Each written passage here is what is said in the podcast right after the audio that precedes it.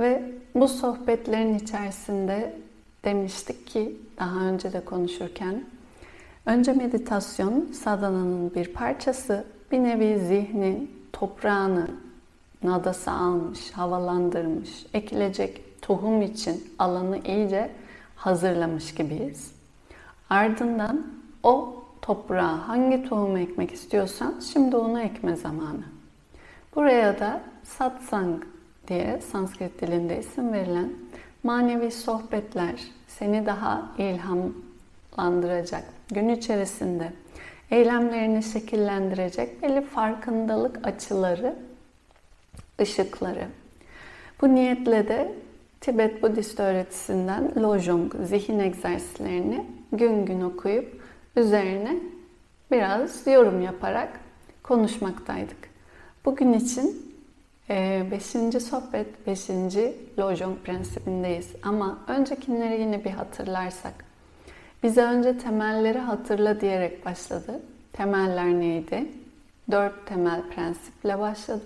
Birincisi insan bedeninin nadide olduğunu unutma. Biricikliğinde özel. Bu neyi söylüyor? İnsan diğer hayvanlardan üstün mü? Hayır. Ama daha sorumluluk sahibi.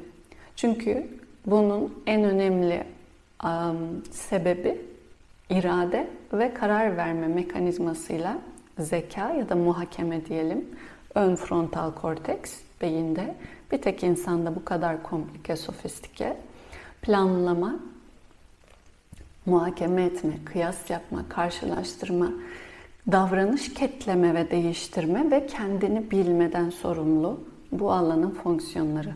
Bu yüzden insan hayatında böyle gelmiş, böyle gider dediği tüm kalıplarını, kodlarını, güdülerini yönetebilme potansiyeli ve becerine sahip bir canlı zekası olduğu için, iradesi ve muhakemesi olduğu için.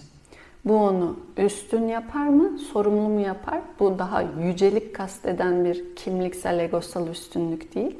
Ama daha aksine evet güç anlamında daha büyük bir sorumluluk sahibi. Ee, onun olmadığı yerde ise bütün tüysüz ya da bir hayvan diyelim, beşer der Arapça buna. Bütün hayvanlar gibi bir hayvan yemek yiyor, içiyor, ürüyor, besleniyor. Sonra da ölüyor ve uyuyor bir de arada. Bütün bunların hepsinde ortağız. Bu anlamda yaşamı yaşam kılan eğer sadece yemek, içmek, üremek, uyam, uyumaktan ibaret değilse bu yaşam, buraya bir fark var diyorsak bu yaşamı anlamlı kılan bu da muhakeme etme ve sorgulama becerimiz. Her birimiz de hayatı neden yaşadığını, niye yaşadığını, nereye gittiğini, nereden geldiğini kendine sormakla mesul ve bulduğu doğrusuna göre de davranarak varlığını aslında evriltmeye de mesul. Bu yüzden de manevi gelişime açık, evrime açık bir canlı insan. Bunun içerisinde ikinci prensip o temellerden ölümlü bir canlı olduğunu da bilen bu muhakeme zeka bunu da yapıyor frontal korteks. Bütün canlılar arasında kendisinin ölümlü olduğunun da farkında olabiliyor. Ve diyordu ki o prensip herkes kadar sen de ölümlüsün bunu biliyorsun ama unutma. Bunun aslında belli prensiplerini bilmek kadar onu hayatımızın içerisine bir bilgelik olarak yerleştirip yaşamak başka bir şey. Biz de şu anda bilgelik peşindeyiz. Bilgililikten ziyade. Bilgililik için dinleriz, okuruz. Tamam, biriktiririz. Her şey gibi, madde gibi, nesne gibi, kıyafet, para gibi bilgiyi de biriktirebiliriz. O zaman ama dışarıda yığınla aksine külfet olur. Kullanılmayan her nesne, eşya nasıl ki külfet, evinizde, alanınızda daha kir yaratan veya pastoz, pislik yaratan kullanılmayan bilgi de külfettir. İnsanın sırtına, omzuna ağırlık verir. Ee, eşya ve nesne nasıl kullanılmak içinse aynı şekilde bilgi de uygulamaya geçmek için bir davranış olarak yaşamı dönüştürmek için var. Bu anlamda da aslında bu iki prensip de bizim yaşamımızı dönüştürmek için var. Biz ona bilgelik sevdası anlamında, davranışımızı değiştirme anlamında zaten sadhana diyoruz. Yoksa kitap okumak gibi değil sadece. Okurken okuduğunu da özümsemek, hayatına yerleştirmek için. Ve üçüncü prensibi temellerden devam edersek dedi ki her eylemin bir bedeli var. İyi eylemin iyi ya da olumlu, destekleyici eylemin olumlu ve destekleyici, olumsuz ve zarar verici eylemin ise aksine olumsuz ve zarar verici bir bedeli var. Buna karma diyoruz. En basit, en temel, en popüler kavramlardan biri. Eylem demekti karma. Eylemlerin sonuçlarını bilerek, sorumlulukla, muhakemeye sahip bir canlı olarak zekanla görerek icra et. İradeyi buna göre icra et. Zekanla icra et. Ee, bu da üçüncü prensip. Dördüncü prensip de diyordu ki eğer sadece bu kimliğinin ben dediğin şeyin arzusu ve ötelediği ittiğiyle hayatını kurmaya çalışırsan mutsuzluk kaçınılmazdır. Kendini bu kadar merkeze koyma. Arzuların, yaşadıkların veya kaçmaya çalıştıklarınla herkes kadar bir insan, herkes kadar acı çekebilen, herkes kadar aynı eşit yoğunlukta, önemlilikte arzulara sahip birisin. E, bu ötekileştirmeden, ön ve arkaya koymadan aslında kendini konumlandırabilme becerisi de bir taraftan. Bu da bütüncül bir bakış açısı. Herkesle beraber bir ve bütün olarak gördüğünde sadece hayatını ben merkezcilikle gütmezsin. Ego dediğimiz ayrıksı benliğin fazlasıyla önemsenmesiyle yanılsamaya düşülen aslında hali kırmayı çalışan bir prensipti dördüncü prensip. Bunlar aslında temeller olarak bize birincinin alt başlı olarak geldi. İkincisinde dedi ki tüm deneyimlerin bir rüya olduğunu hatırla. Gelmiş geçmiş bütün ne varsa zihnin önünde duygu ve düşünce. İzlediğin sürece sen, izlenen olarak onlar, zaman ve mekana mahkumlar. Zaman ve mekana mahkum olan her şey de bitmeye, sonlanmaya, ölmeye mahkum. Bu yüzden aslında dün yaşanılan tüm o gerçekliğiyle her şey nasıl ki şu an bir hayal ürünü, yanılsama ya da hafızada bir hatıra böylesine. Hafızada bir hatıra ise aslında mutlak bir gerçekliğiyle ispatlayamazsın. Ve bugün olan her şey de yarına sadece hafızada bir hatıra olarak kalacak. Tüm deneyimlerin rüya olduğunu hatırla demek, geçiciliğin, değişkenliğin, nesneye ve deneyime dair kaçınılmaz özellik olduğunu bil demek. Ve bunu nasıl bileceğim? Üçüncü prensibe beni taşıyordu o zaman. Orada da dedi ki farkındalığın saf ya da boş doğasını fark et. Fark et diyerek özellikle de vurguladı. Neden fark et? Çünkü ayırt etmek, fark etmek demek. Ve ayırt ettiğim yer, farkında olduğum yer bir taraftan da. Bilinç dediğim şey muhakemeyle beraber çalışıyor. Şuur şu anda olanı görebildiğim yer, izleyebildiğim yer, varlığın bildiğin yer, herhangi bir şeyin varlığı ötekinden veya var olan burada benden ayırt eden de nihai yer.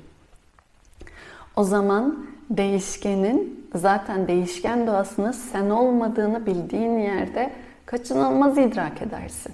Şu anda nasıl ki burada duran biri var. Duruşuyla beraber gördüğü her şey buna referansla harekette. Einstein'ın bu işte tren örneği vardır. ışık hızına göre giden tren vesaire. Aslında bize bu kuantum fizikçilerin de keşfettiği zaten bir e, cümle bu felsefelerinde kadim 2500 yıl önce söyledikleri. Gözlemciye bağlı görüntü kendini var eder. Şu anda burada durana bağlı dışarıda görünen her şey gerçekliğini aslında ispat eder. O zaman ispatlayan şey farkında olanın kendisi. Olunan değil, nesne değil. Bakanın, görenin kendisi. Ve bu farkında olmanın kendisi niteliksiz, sadece ışık gibi gösteren, bu yüzden de saf veya boş, niteliksiz, nesnesizliğinden kasıt. Üçüncü Ve ikinci kendini tekrarlayacak demiştik. Bundan sonraki aslında birkaç e, lojong egzersiz boyunca. Ve dördüncü geçen hafta konuştuğumuz karşıtından bile kendini özgürleştir diyerek geçici ve değişkenliğe nasıl yine de gerçekmiş gibi tutunmaya insanın mail edebileceğini buna dair de dikkat diyerek uyarıda yine bulunan bir ilkeydi. Karşıtı. Ne o karşıtı? Kendine şu anda bir teoride bir yerde koyduğunda bile cümlelerimiz bu olsa bile bunların bile aslında kendini dönüştüreceği bir adım daha olabilir. Ayağını nereye basıp burada tamam durdum diyorsan o durduğun yerin bile içerisi başka bir şekilde aslında dönüşebilir. Eğer onu nesneleştirmeye, sabitlemeye, dondurmaya, budur diyerek korumaya meylediyorsan. Bu nedenle de karşıtı dediği kendini her nereye konumlandırıyorsan bil ki bu durumda bir nesne yaratıyorsun. Ve o sana elbette ki öteki olacak. Sen buradaysan o da orada duruyorsa. Ötekilerini yaratışın fikirler bazında olabilir, kimlikler bazında olabilir. Sağın solun bazında olabilir. Ben şu an sağdayım, sen soldasın. Ama azıcık daha sen sola doğru yürürsen, deminki sağın şimdi sana sol olacak. Bulunduğun referansa göre tanımlar yarattığını unutma. Tekrar değişken ve geçiciliği aslında bu kurguyu da kuranın sen olduğunu hatırlatan prensip, dördüncü prensip. Ve beş, bize şimdi yine dediğim gibi geri dönü tekrar getiriyor. Beş, bugün için yeni prensip. Um, Lojong sloganımız.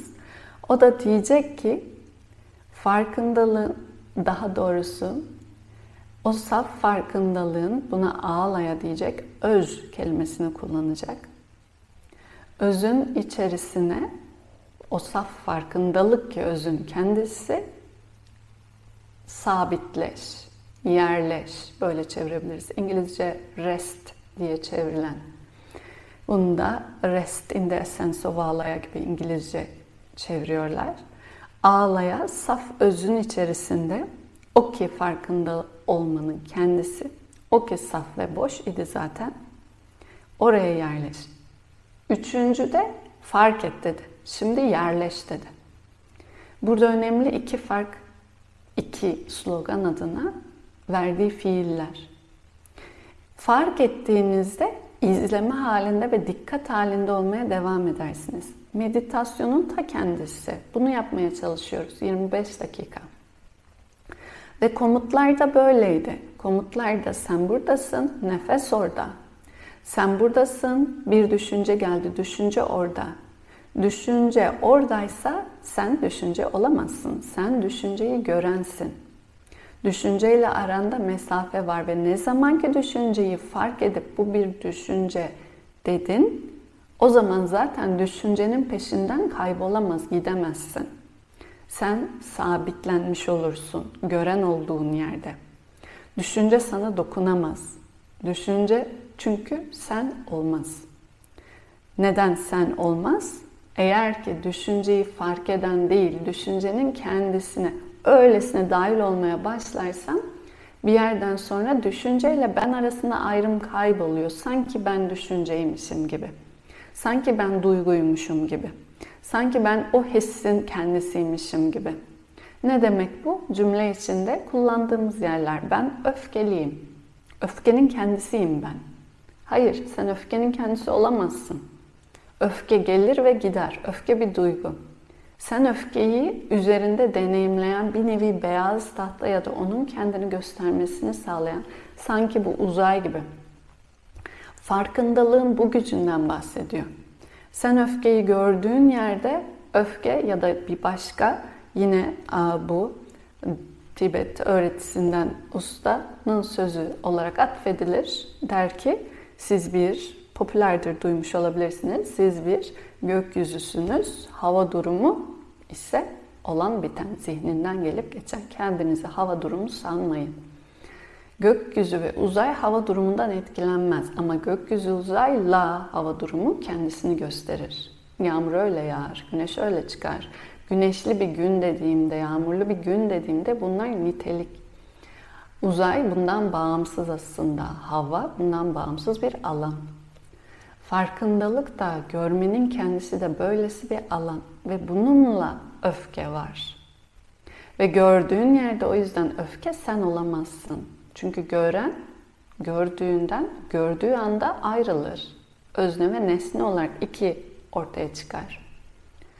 Ama ki görmediğin yerde öfke kalırsa tek sen kendini öfke sanmaya başlayabilirsin. Ve bu ne olur? Duygu yönetir. Olan biten tüm davranış ve eylemi artık öfke ele geçirerek yerleştirir. Ve bu güdüseldir. Kod gibi. Otomatik. Bir kedi gibi o yüzden. Kediye de öfke geldiğinde öfkesinin varlığının farkına varıp şu anda öfke var. Öfkeyi gören olarak bu eylem böyle olmayabilir ihtimallerini geçirmiyor. Eğer ki yanında başka bir kedi yiyorsa yemeği üstüne direkt atlıyor. Otomatik pilotta verilen tepkisel davranışlar ve kodların adı karma. O işte um, sarmal şeklinde güdüsel gelen etki tepki silsilesi veya sarmalı. Bu nedenle de zeka ve muhakeme insanın özgün, biricik, nadide varlığının kıymetlisi, o ilk konuştuğumuz temel, tam da bu beşinci slogan için yine bağlayıcı, hatırlatıcı. O zaman farkındalığı öz diye burada alaya, essence İngilizce çevirdiğinde bu sloganda bu kelimeyi de kullanıyor çünkü. Neyi demiş oluyor? Senin özün diye bir şey yok. Bunu demeye çalışmıyor. İnsanlar yine bu teorileri okuduktan sonra belki biz, hepimiz bir zaman demiş olabiliriz benim özüm. Senin özün yok. Senin kıyafetin var. Bu yüzden de kıyafet sen değilsin. Değil mi? Ben buradayım. Kıyafet benimse kıyafet ben değildir. Bir şey benimse yani iyilik eki alıyorsak o zaman iyilik eki aldırdığımız şey kimliğimize değil, kimliğimize eklenendir. Varlığımıza eklenendir. Benim kıyafetim, benim kitabım dediğimde ben kitap ve kıyafet değilim. O zaman benim özüm neden yanlış? Umarım anlıyoruz şu an. Çünkü eğer sizin özünüz varsa siz kimsiniz?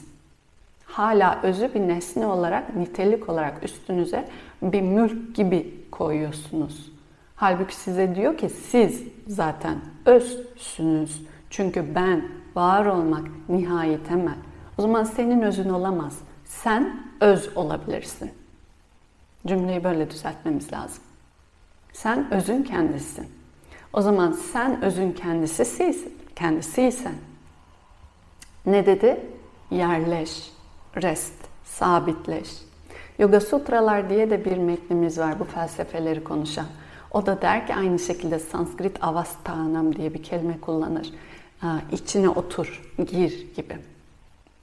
Yine yerleşmek gibi çevirmek en yakın Türkçemiz olur. Niye böyle bir şey diyor? Bu kelimeyi seçiyorlar. Yerleşmek. Şimdi ben bu eve yerleştim. Yani dilde kullanışımıza bakalım. Ben bu eve yerleşirsem ne demek? Ben buradayım demek. Ben burada oturuyorum. Ben burada yaşıyorum. Benim varlığım burada. Ben işte diyelim ki İstanbul'a yerleştim.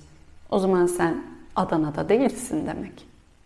Nerede oldun? Yani bir sana oluşuna dair mekansal konum atfı.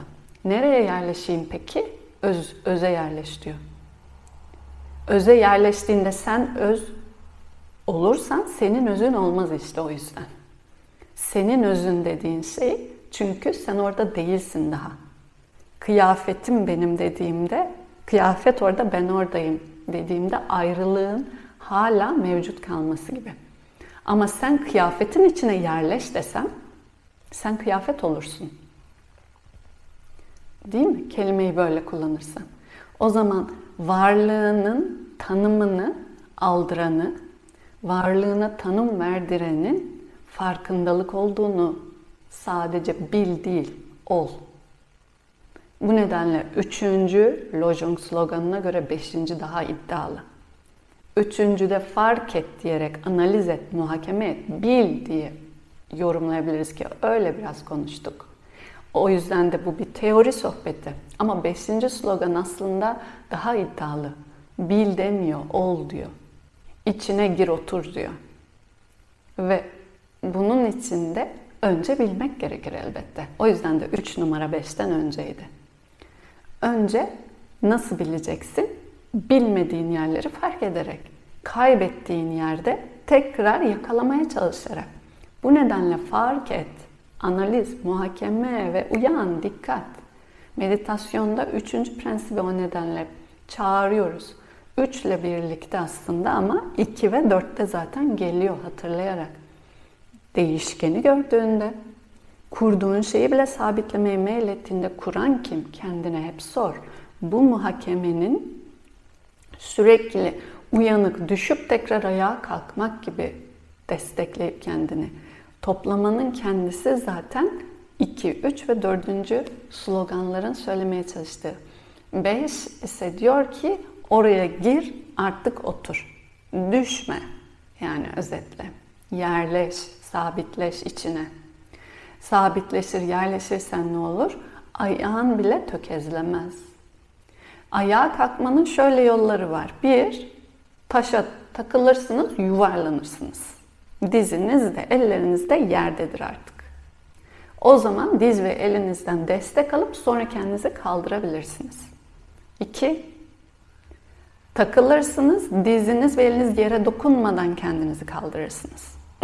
Değil mi? Ay az daha düşüyordum deriz biz ona. Üç, hiç sarsılmazsın bile. Ayağın takılır ama milimlik sadece bir oynama olur. Dört, sarsılmayı bırak, takılmayı bile deneyimlemezsin. Ne zaman ki taş, sürekli taş, taş dikkatiyle yürürse. İnsan niye tökezlenip düşer, takılır? Görmediği için. Takılır. Dikkati orada olmadığı için.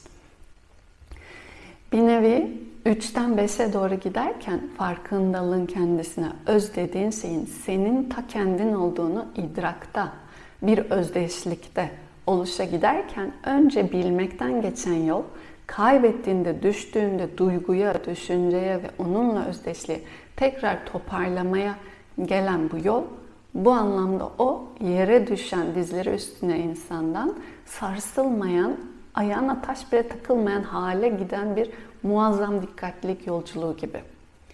Bu sadhananın kendisi. Şu anda burada oluşumuzun da arka planı, sebebi. Manevi yolculuk demek manayı bulmak demek. Mana ne demek? Anlam demek. Anlam nerede? Bir şeyi kuran yerde. Öz dediğin şey manadır o yüzden. Neden? Çünkü öz kelimesi cümle içerisinde şöyle kullanırız. Bir şeyin özünü bulmaya çalışıyorsanız, diyelim ki bilgisayarın özünü bulmaya çalışın.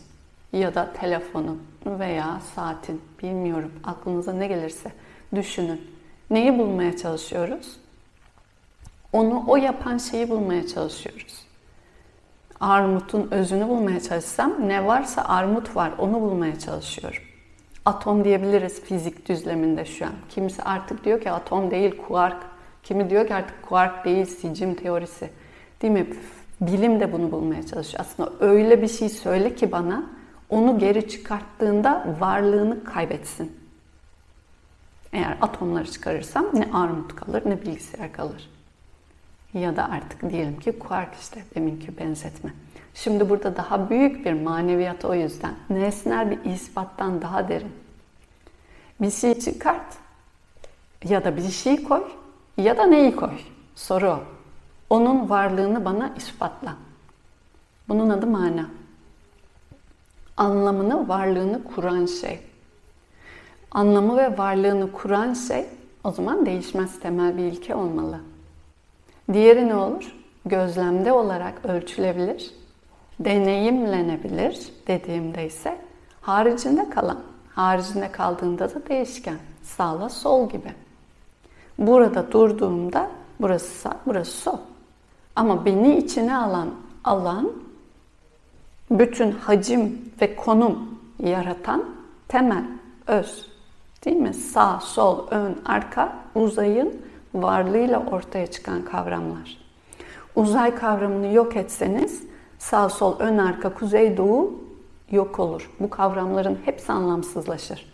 Bu yüzden bu kavramlar değişken bulunduğunuz yere göre. Şimdi kuzey. Aa böyle döndüm. Orada burası kuzey.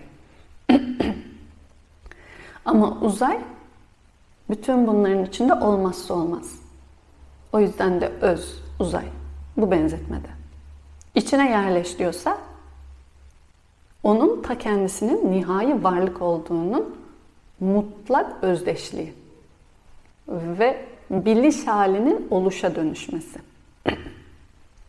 Buraya özellikle vurgu çünkü bildiğim yerde hala bilinen nesnedir bana. Bilen ise bilgiyi gösterendir. Bu yüzden biz farkındalık diye bir kelimeye takılıp kalıyoruz. Ya da bilinç, bilmenin alanı demek, bilinç. Ee, sona dair yine bir Lojong slogan 5. sırada bugün konuştuğumuz. Saf, özün ya da farkındalığın içine yerleş. Ve orada olduğunda zaten nesnelerin değişken ve geçici doğası kendini aşikar eder. Zaten gökyüzünün ta kendisi olduğunu bildiğinde ya da gökyüzünü görmüş birisi hava durumunun geçici olduğunu da bilir. Bugün yağmurluysa hava, bugün için sadece. Yarın yağmurlu olmak zorunda değil. Bugün güneşliyse hava, bugün için sadece. Yarın da güneşli olmak zorunda değil. Ne mutlu olmaya bu kadar takılır, o yüzden o dördüncü prensip benim mutluluğum, benim mutluluğum diye kendi arzusu veya kendini korumaya bu kadar saplık alır. Ne de acıdan bu kadar kaçmaya çalışır. Çünkü acı da geçici, haz ve keyif de geçici. Güneş kadar yağmur da var, kar da var ama yağmur da kar da geçici. Tıpkı güneşli bir gün kadar. Hepsi eşit değerde, hepsi eşit um, biçimlilikte bir gökyüzüne kıyasla.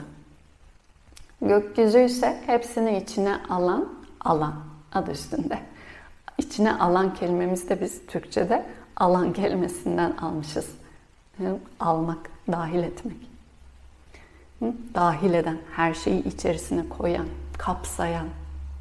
Alan dediğimiz yani isim fiil olarak almakla bağlantılı. Onu söylemeye çalışıyorum. İngilizce'de böyle değil. Field öyle değil. Ve almakla take. Bununla beraber kurmamışlar dili. Türkçe'de böyle kurulmuş. Bu yüzden aslında çok da ilham verici bir yerde. İçine dahil ettiğinizde bir şeyi, hiçbir şeyi eksik bırakmazsınız zaten çünkü. Her şey onunla olur, her şey onda olur. Ee, bu beşinci prensip. Yerleşme niyeti ve dileği içinse bilme öncül gereği. Önce bilmek içinse duymak onun öncül gereği. Bir yerden duyduğum bir bilgi, birinin bilgisi, bir kitabın bilgisi, bir öğretmenin, bir ustanın dizesi. Şu an okuduğumuz Atiyeça isimli 2500 yıl önce yaşamış bir ustanın prensipleri aslında. Bu Tibet coğrafyası içerisinde e, belli idraklara varmış olduğunu kabul ettiğimiz. Farklı farklı maneviyat adına farklı coğrafyaların, farklı manevi öğretilerin metinleri, öğretmenleri var.